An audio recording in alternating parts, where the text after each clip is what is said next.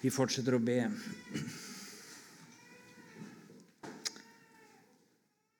Ja, himmelske Far, vi ber. Still du oss inn under ditt ansikt, at vi kunne ha med deg å gjøre.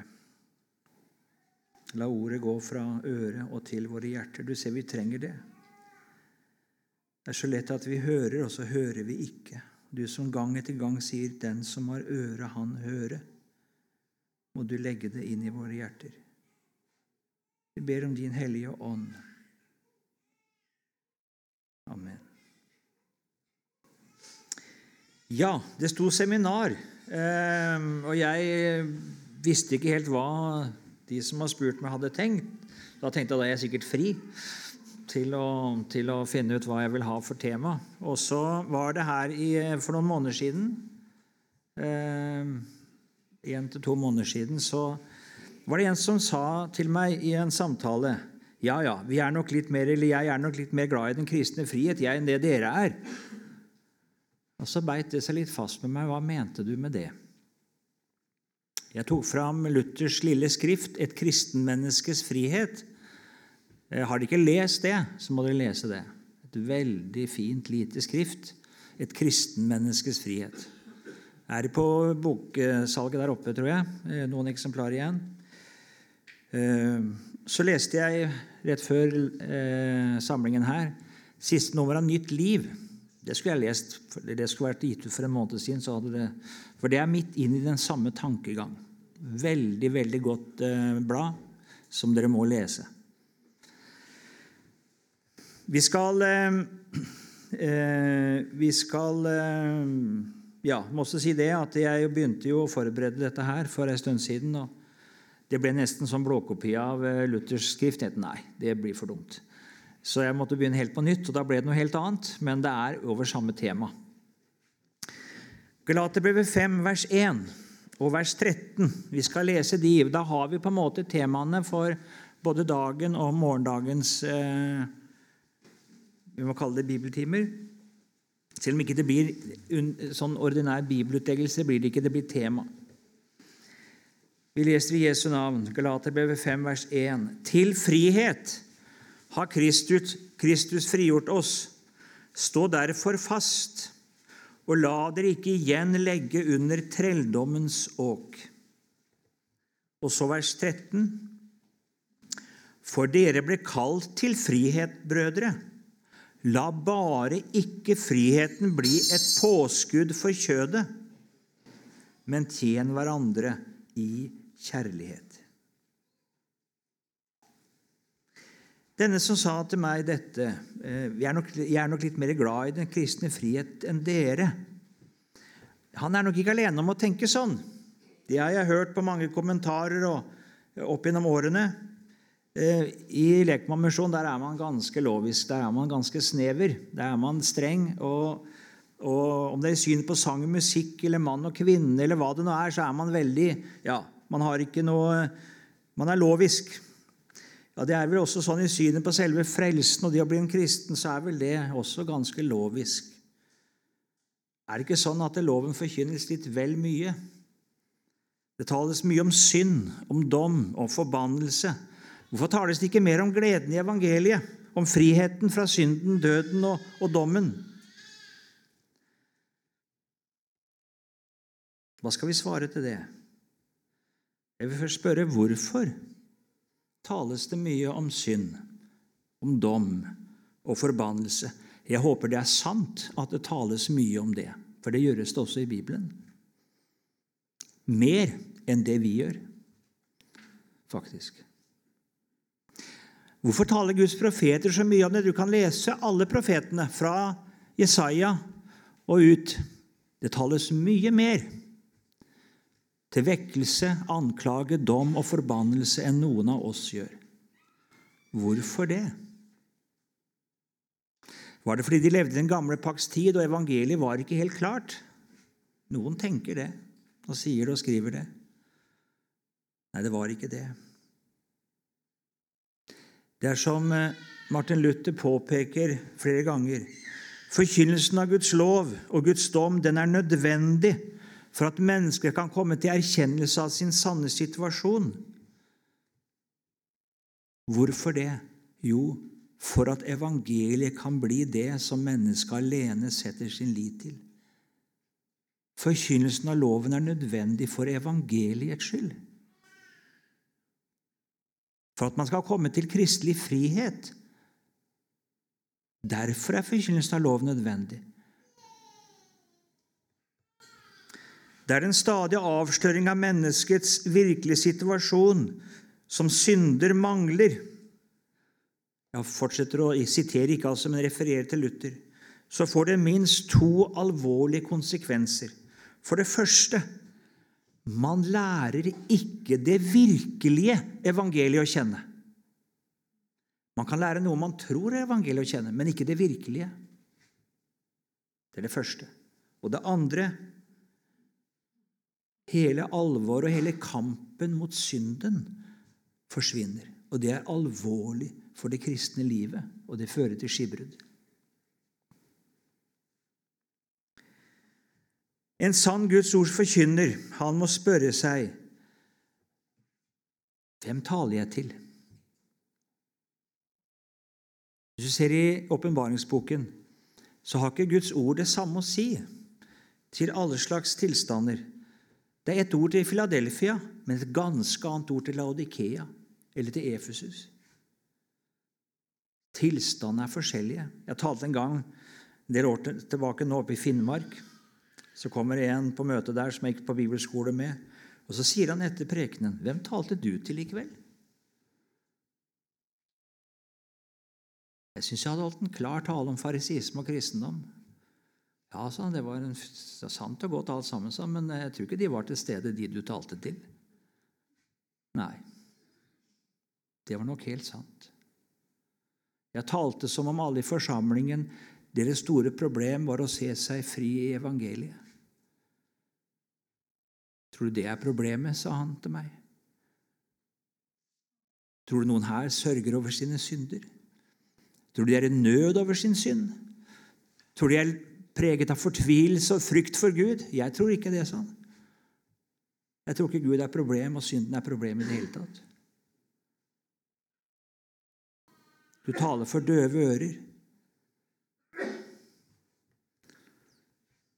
Er ikke det situasjonen i vår tid?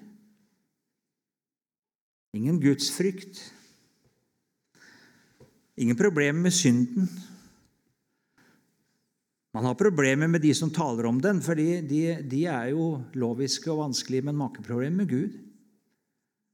Derfor er man ganske sikker på at Gud han er så raus, han han er så god at det er ikke noe problem.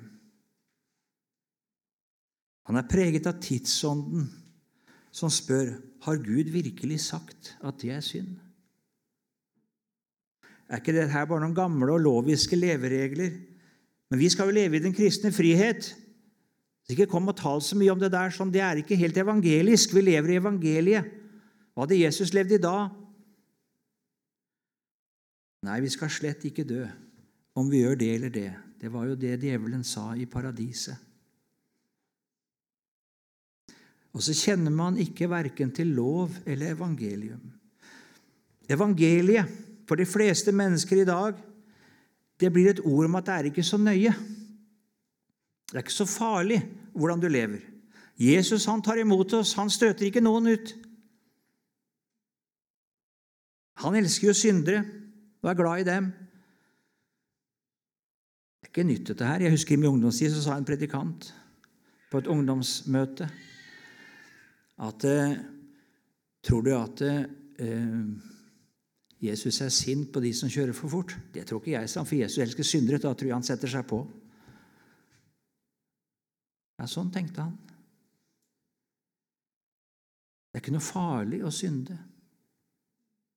Jesus er glad i syndere. Han tar imot deg akkurat sånn som det er. Så la ikke noen anklage deg og si at det du lever, det er ikke, det er ikke rett. Nei, ikke la noen si det. Ikke la noen dømme deg for hvordan du er og hvordan du lever. Det er bare farisisme, det. Jesus dømmer ingen. Dette prentes inn i barna i en rekke populære barnesanger. Du er god nok. Du passer perfekt. Du er du, og du duger. Gud er glad i deg, akkurat sånn som du er. Du er verdifull, du er god som gull. Dette er sitatet fra kristne barnesanger. Så kan du reagere på det, men så preges du og jeg likevel over tid. Vi preges av dette, for dette er gjennomgangstonen, og det, det har en viss likhet. Og det er, det er bruddstykker her som du kjenner igjen i evangeliet. Men det mangler noe.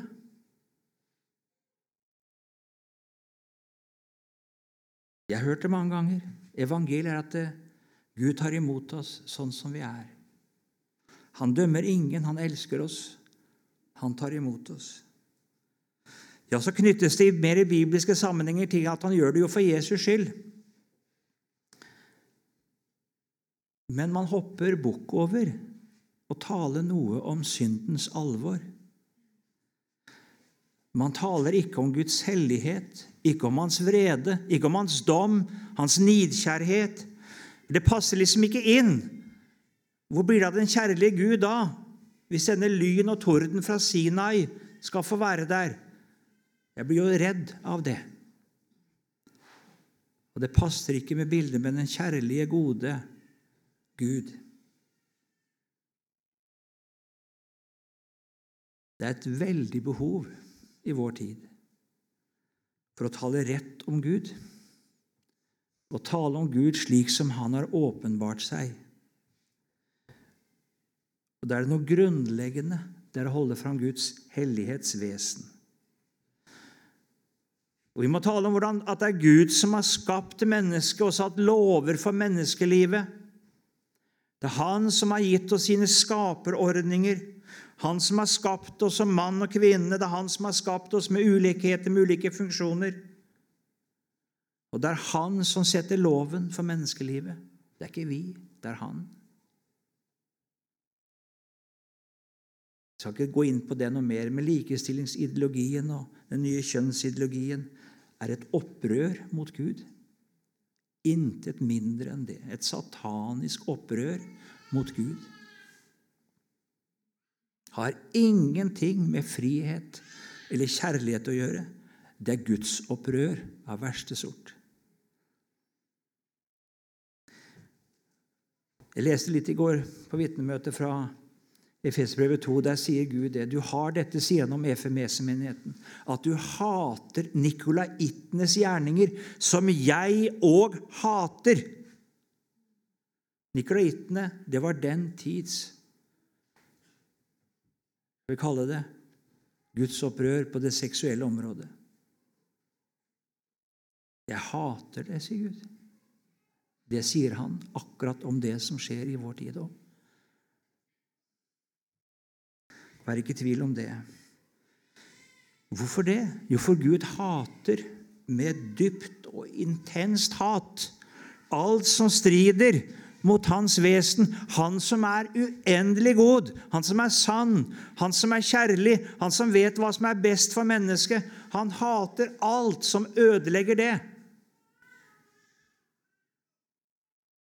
Men som mennesket synes er frihet. Ja, han hater det. Han kan ikke, og han vil ikke, og han kommer aldri til å akseptere det. Og han hater den som setter seg opp mot hans bud.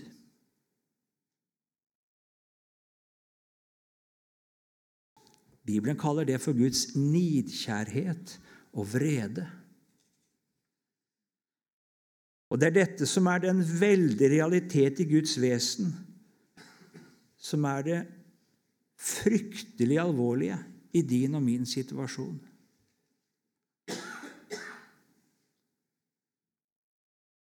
Det at vi har med en Gud å gjøre som er så forferdelig at Jesus sier at det er forferdelig å falle i den levende Guds hender.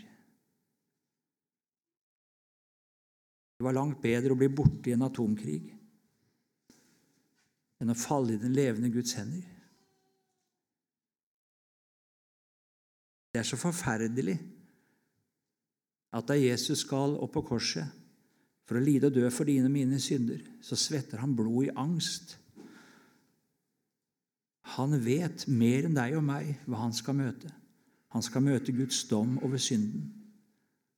Og det skal mange mennesker møte. Og de er uten angst. Og du og jeg som ikke holder fram denne realitet i Gud for dem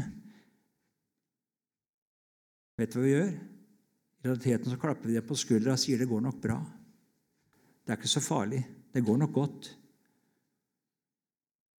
Når vi unnlater å tale til mennesket på fortapelsens vei om hva det mennesket går i møte Vet du hva Gud sier om det? Jeg skal kreve blodet hans av din hånd fordi du ikke advarte ham. Det er derfor profetene taler som de gjør.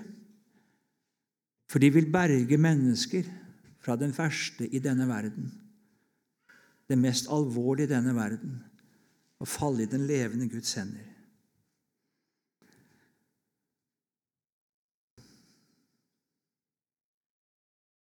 Vi kan ikke la være å tale om det. Skal vi tale sant? Og evangeliet det blir ikke noe evangelium utenpå denne bakgrunnen. Du forstår ikke hva evangeliet er før du forstår hva synd er. Og Det taler Luther om så veldig klart i noe andre jeg har holdt på å lese nå. Han sier, Tar du bort loven, sier han, da tar du bort synden. For Det er ikke noe som er synd lenger. Det er ikke noen lov. Det er ikke noe lovbrudd. Og tar du bort synden, hva blir da? Hva er det da vi blir frelst fra? Det er, ingen, det er ikke noen dom. Det er ingen vrede. Hva er frelse da? Da tar du evangeliet bort, sier Luther. Det er det du gjør. Tar det helt bort. Vi forstår ikke hva Guds kjærlighet er da. Så har Gud elsket verden på den måten at han ga sin sønn i døden, skjønner du, i døden, for at du ikke skal fortapes. Guds kjærlighet er ikke noe sånn at han på en måte 'Å, det er ikke så farlig. Det går nok godt til slutt.' Jeg nevnte før, og jeg, På gymnaset fikk vi et dikt vi skulle skrive kommentar til. Eller en sånn diktanalyse. Det er en norsk forfatter, ingen troende. Et mea maxima culpa, latin, betyr 'min store skyld'.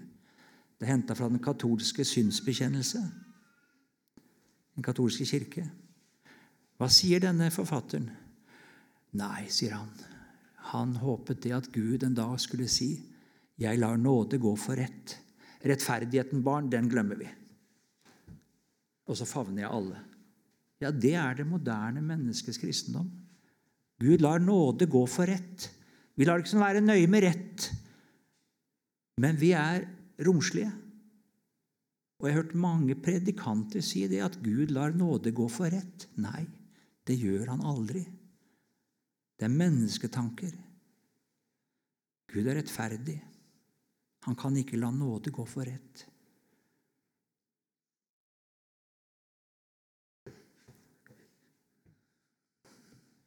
Vårt gudsforhold det blir ikke sant om vi ikke erkjenner Guds hellighetsvesen. Jeg tror de fleste innen kristenheten i dag, du og jeg som sitter her, vi forholder oss ikke til Gud slik som Han har åpenbart seg, men slik vi tenker at Han er. Du tenkte jeg var som du, som står i Salme 50. Og så forholder vi oss til Gud sånn som jeg ønsker han skal være, sånn som jeg tenker at han er. Og Da forholder jeg meg til en avgud. Vi tenker at de var dumme i den gamle pakts tid, som støpte seg avguder, og Bal og Astarte starte. Bal betyr herre. Ikke alle som sier til meg 'Herre, Herre', og det var så mange som sa du skal ikke lenger si til meg 'min Baal', sier Gud hos en av profetene. Folket trodde og mente virkelig at de levde med Gud, men Gud sier nei. Dere lever med en avgud og ikke med meg. Dere har støpt dere en gud i deres tanker, etter deres lyst, sånn som dere vil han skal være, og han må fint tilpasse seg dere. Og fordi de hadde gjort det, så kunne denne guden han kunne tilpasses. Han kunne de danse og leke og drive hor foran. For sånn gudsdyrkelse ville de ha. Det smakte for dem. Det ga følelser, og det ga liksom Ja, det ville de ha. Og det var ikke et problem for han Bal, men det var et problem for han Herren. Det var ikke noe problem for han gullkalven, men det kunne de ikke gjøre i Herrens hus. Det kunne de ikke. For der satte Gud reglene. David forsøkte en gang. Det gikk ikke så godt. Denne gudstjenesten kan være full av engasjement. Denne avgudsgudstjenesten den kan være all in. Men det er avgudsdyrkelse. Jeg kan lese Amos.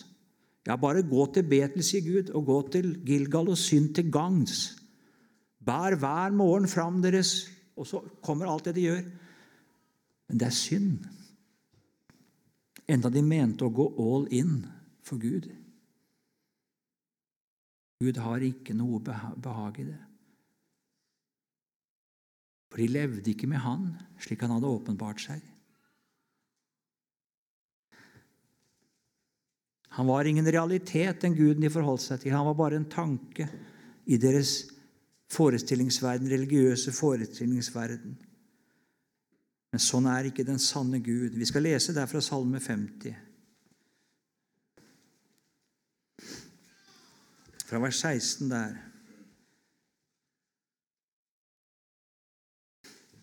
Legg merke til hva Gud sier her om disse. Han sier ikke det, kaller de ikke troende, han kaller de ikke Nei, han kaller de ugudelige. For de lever ikke med den sanne Gud, og da er de ugudelige. Men til den ugudelige sier Gud, 'Hva har du med å fortelle om mine lover?' og ta min pakt i din munn. Altså Her er mennesker de, de bruker Guds ord, altså. Lover her, så kan vi like gjerne si hans, hans ord. altså. Har dere må ta min lære og mitt ord i din munn, og min pakt. Det er jo selve frelsespakten. Hva har du med det? Du hater jo tukt og kaster mine ord bak deg. Når du ser en tyv, slår du gjerne lag med ham, og med horkarer gjør du felles sak. Din munn slipper du løs med ondt, og din tunge spinner svik. Du sitter og taler mot din bror, du baktaler din mors sønn. Dette har du gjort, og jeg har tid. Du tenkte jeg var som du. Fordi ikke Gud griper inn og straffer med det samme. Men jeg vil straffe deg og stille det fram for dine øyne. Legg merke til dette, dere som glemmer Gud. Ellers vil jeg sønderrive, og det er ingen som redder. Gud forandrer seg ikke. Han er fra evighet til evighet den samme. Han tilpasser seg ikke. Ikke et flertall på et årsmøte. Altså så må Gud bøye seg for han vi godtar jo ikke det. Da må jo han selvfølgelig godta det når vi har godtatt det. Nei, han gjør ikke det. Han bøyer seg ikke. Han er ikke oppe til demokratisk avstemning.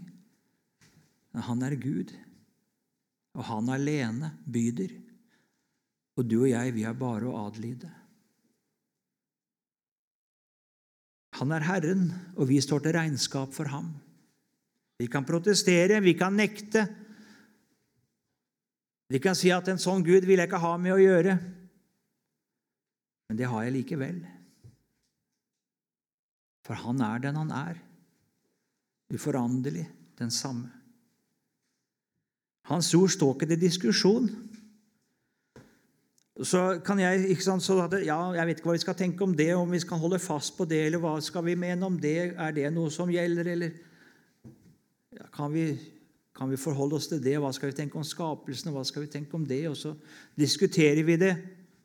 Nei, Hans ord står fast i himmelen. Det gjør det. Det står fast i himmelen.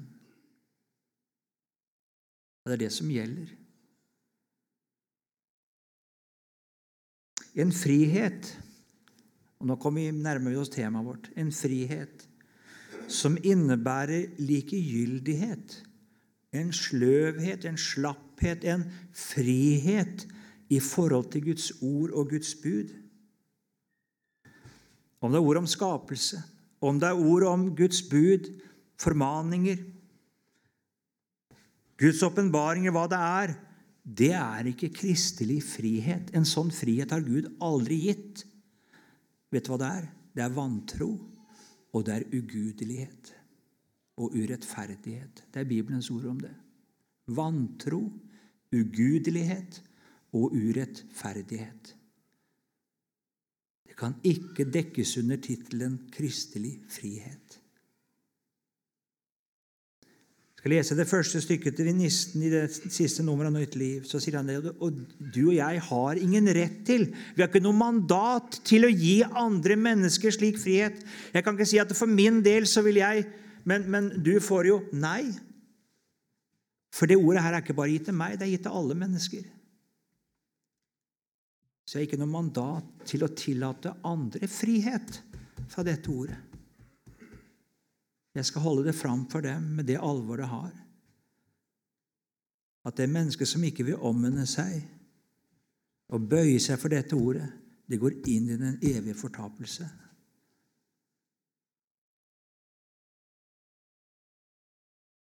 Jesus sier det sånn i Matteus 5, vers 17. Dere må ikke tro at jeg er kommet for å oppheve loven eller profetene. Jeg er ikke kommet for å oppheve, men for å oppfylle. For sannelig sier jeg dere, før himmel og jord forgår, skal ikke den minste bokstav eller en eneste tøddel i loven forgå. Da tenker han på hele Det gamle testamentet. Før det er skjedd alt sammen. Den som da bryter et eneste av disse minste bud Jeg tenker at Det er ikke så nøye med det. Og lærer andre mennesker det. Han skal kalles den minste i himlenes rike. Han er ikke mye ære verdt der, det skjønner du. Men den som holder dem og lærer andre dem, han skal kalles stor i himlenes rike.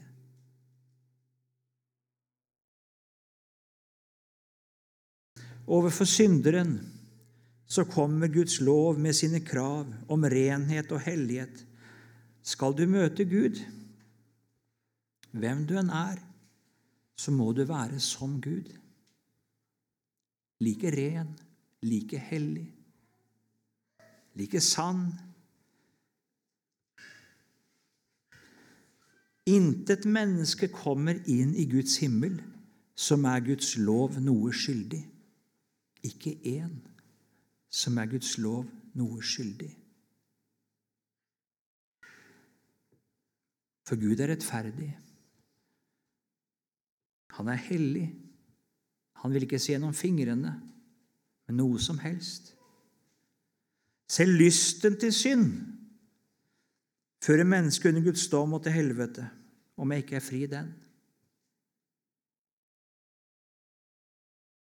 Du må aldri få noen til å tro det at Gud aksepterer et eneste menneske slik som det er, i sin synd. Gjorde han det, så var det helt unødvendig. Men det som skjedde på Golgata kors, da var det aldeles unødvendig. Det er det han ikke gjør. Han aksepterer overhodet ikke. Han vredes over det, og han må dømme det. Og Vi må aldri tale slik om kristelig frihet at det er ikke så farlig, det er ikke så nøye, og Gud er ikke så Han er litt raus, han er litt Nei, det er han ikke. Han er pinlig nøye. Moses, denne Guds mann, har ikke tatt så nøye med å omskjære barna sine. Han har kanskje sagt det til kona si at nei, det er ikke så, de levde jo ikke sammen med de andre, og de var Så Gud kommer over Moses og vil ta livet hans.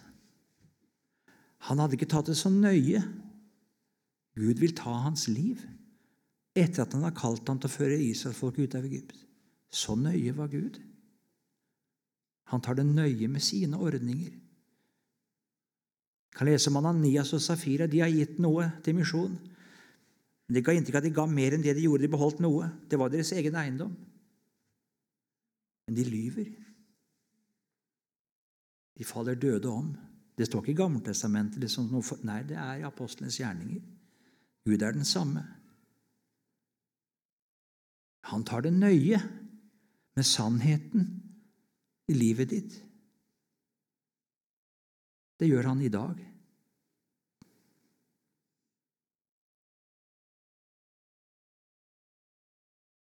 En hevner over all synd. Vi hørte sitert i går eller vet dere ikke at de som gjør urett, ikke skal arve Guds rike? Far ikke vil. Verken horkar eller avgudsdyrkere eller ekteskapsbrytere eller de som lar seg bruke til unaturlig utukt, eller menn som øver utukt med menn, eller tyver eller pengegriske eller drankere eller baktalere eller røvere, skal arve Guds rike. Så kommer vi tilbake til det. Den som lever i omvendelse og syndenes forlatelse fra dette. Slik var det en gang med noen av dere, står det.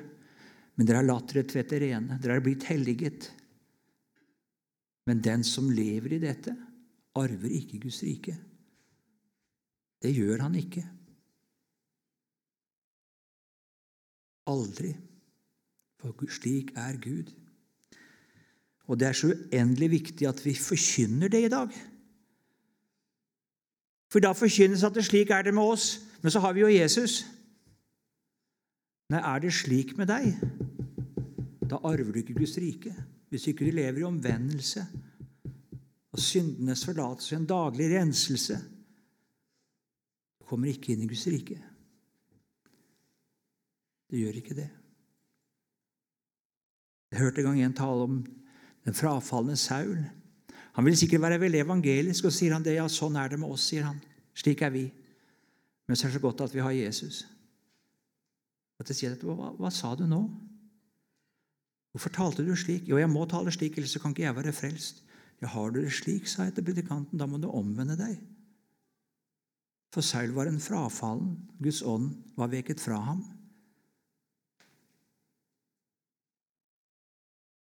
Vi, vi, vi er mer evangeliske. Vi skal, skal være mer enn det Gud selv er. Nei.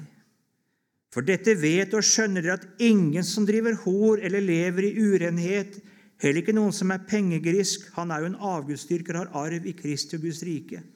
La ingen bedra dere med tomme ord. Det kunne sies da, og det må sies i dag. La ingen bedra dere med tomme ord. For det er jo på grunn av disse ting at Guds vrede kommer over vantroens barn. Så må du ikke tro det at ja, vi har jo Jesus, så kan vi leve i det likevel. Nei, det kan vi ikke.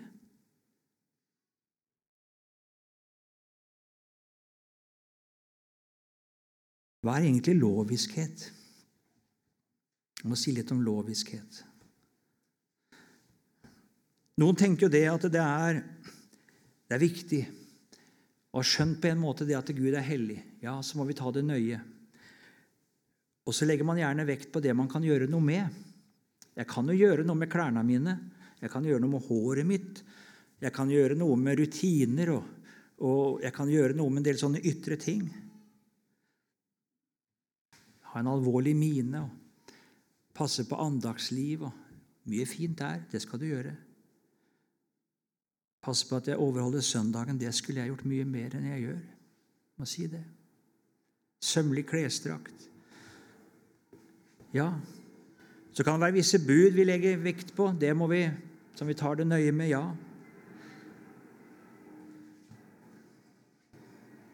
Hva tror du Gud syns om det? Det er godt at du vil holde Guds bud. Men hvis du tror det at du kan vinne noe på den veien som gjør at Gud skal se mer nådig til deg, da må du se å gjøre alt. Du kan ikke komme med avbetaling til Gud og tenke at det er noe Hvis jeg gjør litt Nei, du får se å gjøre alt. Så skal du gjøre det du mener er rett etter Guds ord. Det skal du gjøre. Men hvis du tror det, at det er en vinning, at det er noe å legge fram Å nei. Det var som jeg skyldte en million, og så kom jeg med en femkroning. Jeg ville så gjerne betale. Nei. Jeg tror ikke det er verdt fem kroner engang. Den virkelige loviskhet den kjennetegnes nettopp på det at den stiller krav som du kan oppfylle. Noen tror at loviskhet er å være veldig streng. Vet du hva loviskhet er? Det er å stille oppfyllelige krav. Det er å stille krav som jeg kan oppfylle, så jeg kan føle meg ganske god, så jeg kan føle meg at jeg er en skikkelig god kristen. Og Den loviskheten bør ikke bare være i forhold til Guds bud. Det kan være å ha de rette meninger, det rette standpunkt, det rette synspunkt. En rett evangelisk forkynnelse kan det til og med være. Så vi har jo det rett. Vi har jo virkelig forstått det. Vi er gode kristne. Så kom ikke til meg og tror du ikke at noen er hellige her? Tror du ikke at noen er kristne her? Og så kan man vep, altså verge seg mot enhver anklage, for vi er jo gode kristne, vi er evangeliske, vi har virkelig forstått det. Den kan kle seg i mange former, loviskheten. Og I våre dager så kler den seg aller mest i evangeliske klær. Vi er, vi er, virkelig vi som har forstått det. Vi er så nådige, vi er så gode. og vi er Så Så kom ikke her med anklager om at ikke vår kristendom holder mål. Det er noe loviske greier, men vi er så evangeliske. Og så bruker man det rett og slett til å berge sin egen kristendom. Det er loviskhet. Det er sann loviskhet. Loviskhet, det er å mene det at slik jeg er, det kan jeg møte Gud med mer frimodighet.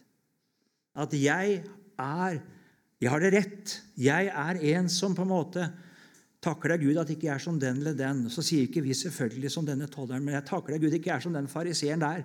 Og jeg er ikke som den, men at vi har den rette forståelsen. Jeg takker deg, Gud, at det er så godt og rett hos oss. Ja, loviskheten den kan kle seg om, men det er det samme. Jeg stoler på mitt eget.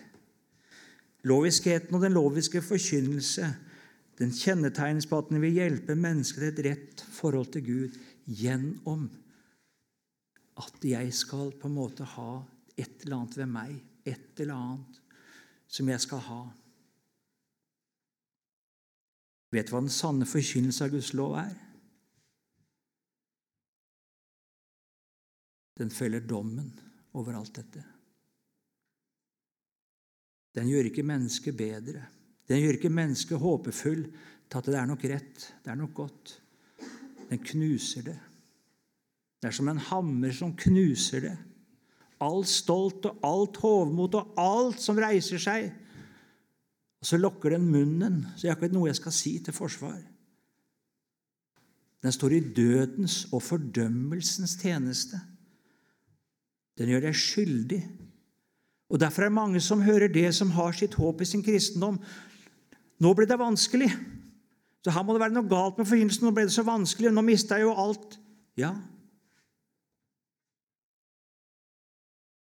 Da vil jeg si det. Har du ikke opplevd det før, så var det sannelig på tide. Hvorfor det? Jo, for at du skal få friheten det rette sted. At du skal få håpet det rette sted. At du skal få gleden det rette sted. Ikke noe av ditt men et helt annet sted.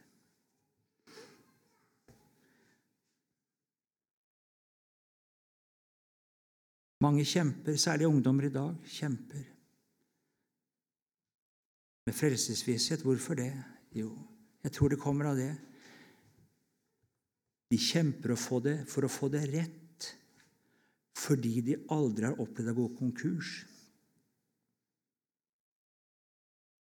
Og jo mindre du tar det alvorlig med synden, så flytter gjerne loviskheten seg på et nytt område. Da er det å få til en rett tro, å føle det rett, og oppleve det rett, og kjenne det rett. det blir bare et nytt sted. Jeg skal ha i de kristelige opplevelser, i de kristelige Jeg har ikke problemer med Guds bud, men jeg har problemer med å bli en ordentlig kristen og få det ordentlig til. Og Der står karismatikken klar og sier at her skal du få oppleve det. Men det er loviskhet. Det er loviskhet. Lovsangen. Å, den skal piffe meg opp ikke sant? så jeg føler og kjenner. og jeg må det være et eller annet. Jeg må jo bli berørt på en annen måte. Predikanten ikke sant, med sin historie, og så føler jeg meg beveget. Å ja, nå er det godt med meg. Det er loviskheten på et nytt område. Jeg skal føle, jeg skal kjenne, jeg skal oppleve. Jeg har ikke noe problem med Guds bud, men jeg må få dette til. Jeg må få kristendommen min til å fungere. Men det er loviskheten. Skal du bli fri den, da har Gud et middel. Vet du hva han har? Han har sin lov. Hans lov er middelet mot loviskheten. Og skal du bli fri loviskheten, skal du legge til Hans lov på sinnet. Og du skal søke å gjøre etter den med alvor. Etter alle Guds bud. Og du skal søke å ta kampen om mot begjær i ditt hjerte. Jeg kan lese Rombrevet 7, apostelen Paulus. Vers 7 der. Hva skal vi da si er lovens synd? Langt derifra. Men jeg kjente ikke synden uten ved loven, for begjæret hadde jeg ikke kjent, dersom ikke loven hadde sagt 'du skal ikke begjære'. Men synden benyttet seg av budet og vakte all slags, alle slags begjær i meg. For uten lov er synden død. Den er der, men du merker den ikke. Det er som ikke eksisterer. Men så kommer loven, og så blir du bevisst og var synden, og den blir levende. Og ikke bare at den blir levende, men den virkelig også den den blir kraftigere, sterkere, og du får virkelig kjenne hva du er. Jeg levde en gang uten lov. Tenk, Det sier han om tida som fariser. Men da budet kom, våknet synden til liv. Jeg derimot døde. Og det viste seg at budet som skulle være til liv, det trodde han jo som fariser, ble til død for meg. For synden benyttet seg av budet og dåret meg og drepte meg ved det. Den som får med Guds lov å gjøre i sannhet, han blir syk. Han blir så dårlig. Han blir så elendig. Da er det ikke Gud som er problemet, da er det ikke mamma og pappa som er problemet, da er det ikke alle de andre som er problemet, men da er det jeg som er problemet. Det er typisk for mange i dag at det er de andre som er problemet. Men når du får med Guds bud å gjøre, da er det du som er problemet. Da er det du som har syndet. Da er det du som er det galt med. Og så ser du det, at loven er ingen vei til Gud. Det er ingen hjelp til å få det rett. Den er et anklageskrift som dømmer deg til fortapelse og død.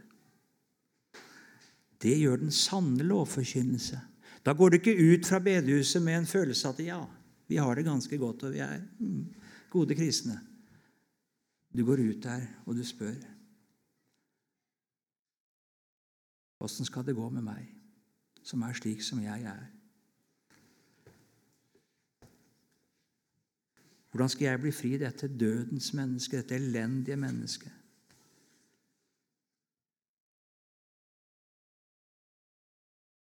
Det er lovens anklage og dom i samvittigheten. Vet du hva den gjør? Den stenger alle dine veier til Gud. Den tar fra deg håp om selvforbedring. Hvorfor det? Jo, for å åpne ditt øre for et annet ord. En annen vei, som du av natur overhodet ikke ser etter. Den taler om en annen. Guds ord taler om en annen, hva en annen har gjort.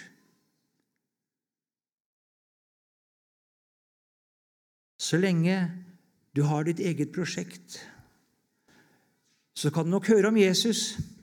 Men det er liksom å få dette inn i hjertet og få det til å fungere og få det til å føle og kjenne. Og så blir det egentlig bare et middel til at du skal få det rett. Men du hører egentlig ikke evangeliet. Og så fort det er, ikke er, så er det hele alt igjen, så er det helt usikkert. For det er som Jesus er borte. For det er nåden i ditt hjerte du er opptatt av. Få det til å bli rett. Og føle det rett. Men du har ikke enda fått øre for nåden i Guds hjerte.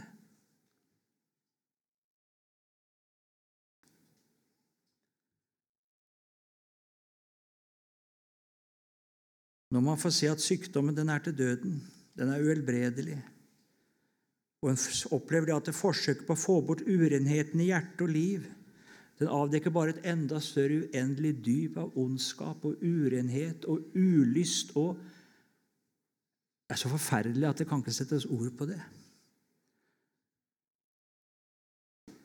Der blir det bare et nødrop 'Herre, frels'. Han sier til Søren Kirkegård det er nøden som oppfinner skriket, ropet etter frelse. Og Da taler evangeliet til den syke, den som har bruk for lege, den som har ondt, den fattige, den elendige. Legg merke til hvordan Bibelen taler om det. Det er sånn Jesus er kommet for. Han er kommet for alle, men han, han slipper ikke til hos alle. Men det er bare der. Den rike, han går bedrøvet bort. Rike sender han bort, tomhendt. De fattige, de elendige, de fikk han hjelpe. Jesus han kom ikke for å reparere ditt. Han kommer ikke for å styrke og lappe på ditt. Han kom det for å ta det på seg og bære det med seg og dø med det. Det hører dommen til. Det aksepteres aldri. Det hører dommen til. Det hører døden til. Det hører forbannelsen til. Det var derfor han ble forbannet. For han møtte Gud med ditt. Gud kommer aldri til å akseptere det, men han har forbannet det. Han forbannet det i sin egen sønn. Han sonet det, han slettet det ut, så du skulle være fri det. Men da forstår du det at hvis du vil ta vare på det, hvis du blir bergede, da kan ikke for Jesus få være din frelser. Han tok det for at du skulle være fri det. Da må du ikke ta det tilbake og skulle berge det. Det er uforenlig med å leve med Jesus. Det, det er uforenlig å leve i evangeliet. Evangeliet er å leve i renselsen fra sine synder. Det er å leve i syndenes forlatelse. Dere har kommet til Jesus med sin synd. Men i dag tales det som om at jeg kan bli min synd. Da forstår man ikke hva evangeliet er. At det er en dom over alt mitt i en annen, i en stedfortreder.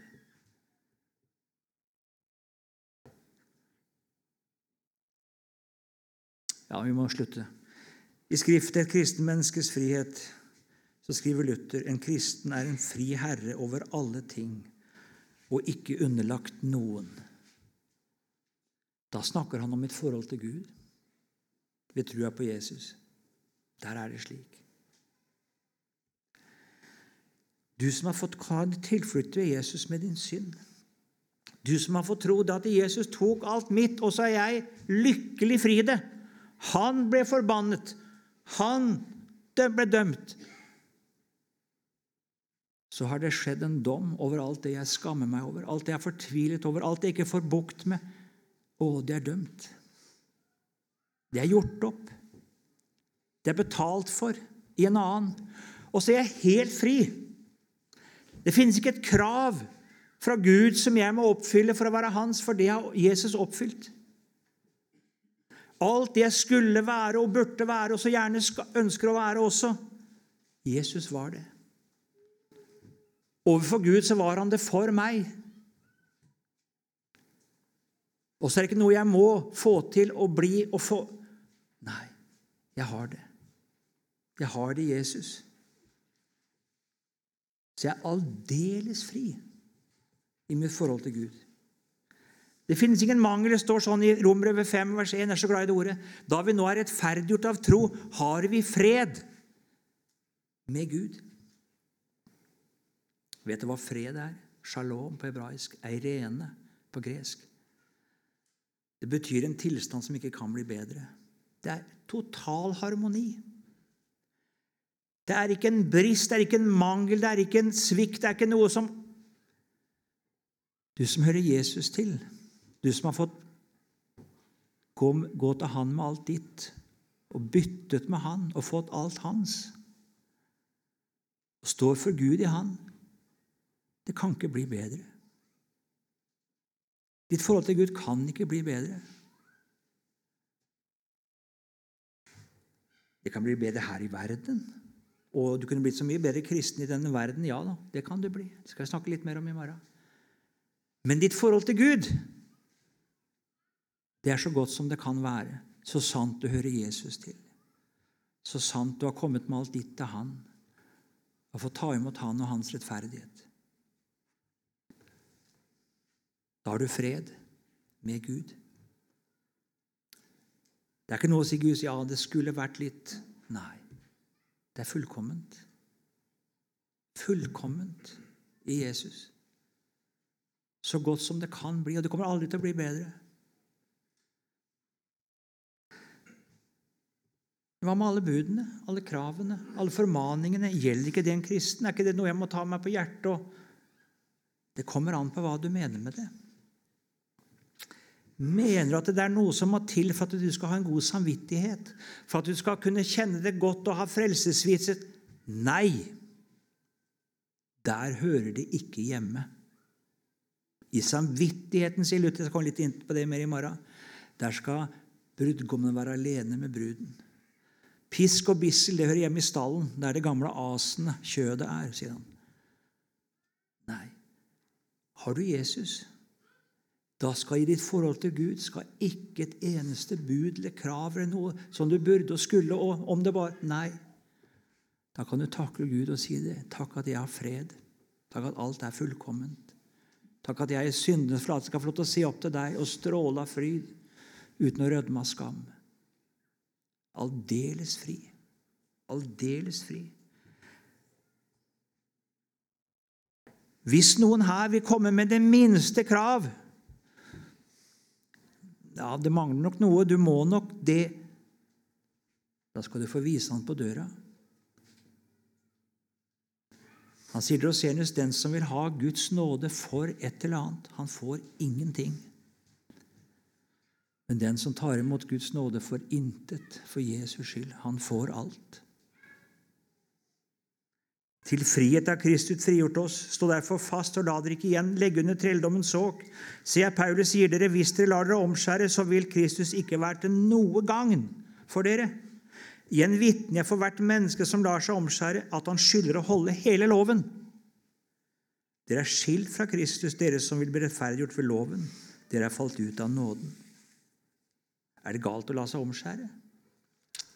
Er det galt å holde Moseloven, sabbats, sabbatsforskriftene, spiseforskriftene? Er det galt? Er det synd? Nei. Men det er som alle menneskebud. Hvis noen sier det, det må du gjøre. Ellers så kan ikke du bli frelst. Da er det ikke bare galt, det er ødeleggende, og det er djevelsk. Da får du se til å holde alt, da. Hvis du skal ha Guds nåde for noe, hvis det er noe Nei.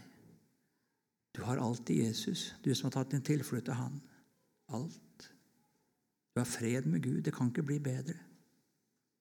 Vil du bare legge et lite halmstrå på en trone som han skal oppfylle, så ødelegger du det hele. Tenk deg, kan du tenke overfor Gud. I Jesus er alle mine bud, alle Guds bud, oppfylt. Alt han krever av meg, det er oppfylt.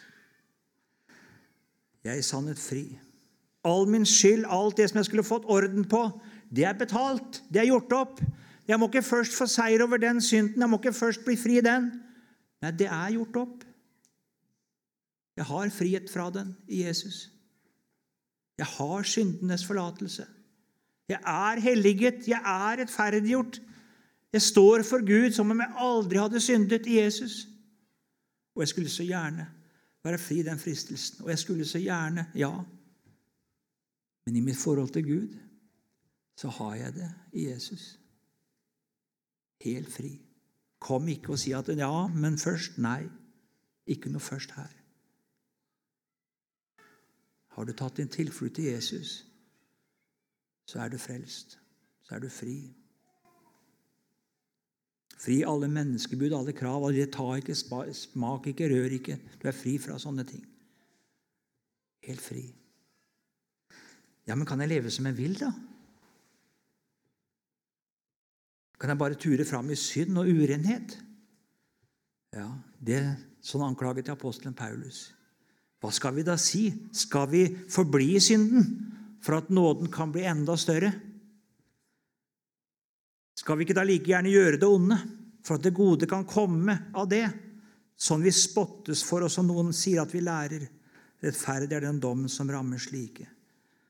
Den som tenker slik og sier slik, han vitner at han ikke kjenner evangeliet eller Jesus i det hele tatt. Skal jeg ta deg et lite eksempel? Tenk deg et barn som har vært ulydig og gjort mor uendelig sorg. Og så får du oppleve at mor snakker ut, og de får, de får snakka ut, og det blir tilgitt. Jeg kan si det av erfaring. Tror du det barnet tenker å, nå kan jeg fortsette, jeg kan gjøre akkurat som jeg vil. Det går jo godt. Nei, sånn tenker ikke barnet. Jeg kan si det av egen erfaring. Jeg tenkte å, jeg skal aldri gjøre mor imot mer. Aldri. Jeg vil være sånn som hun vil at jeg skal være. Det var hjertetrangen. Og sånn er det med Guds barnet som opplever syndenes forlatelse. Det føder på ny og skaper et hjertetrang. Å, Jesus, kan jeg bli deg mer lik? Og var Kristi Jesus mer lik? Nærmere deg hver en dag.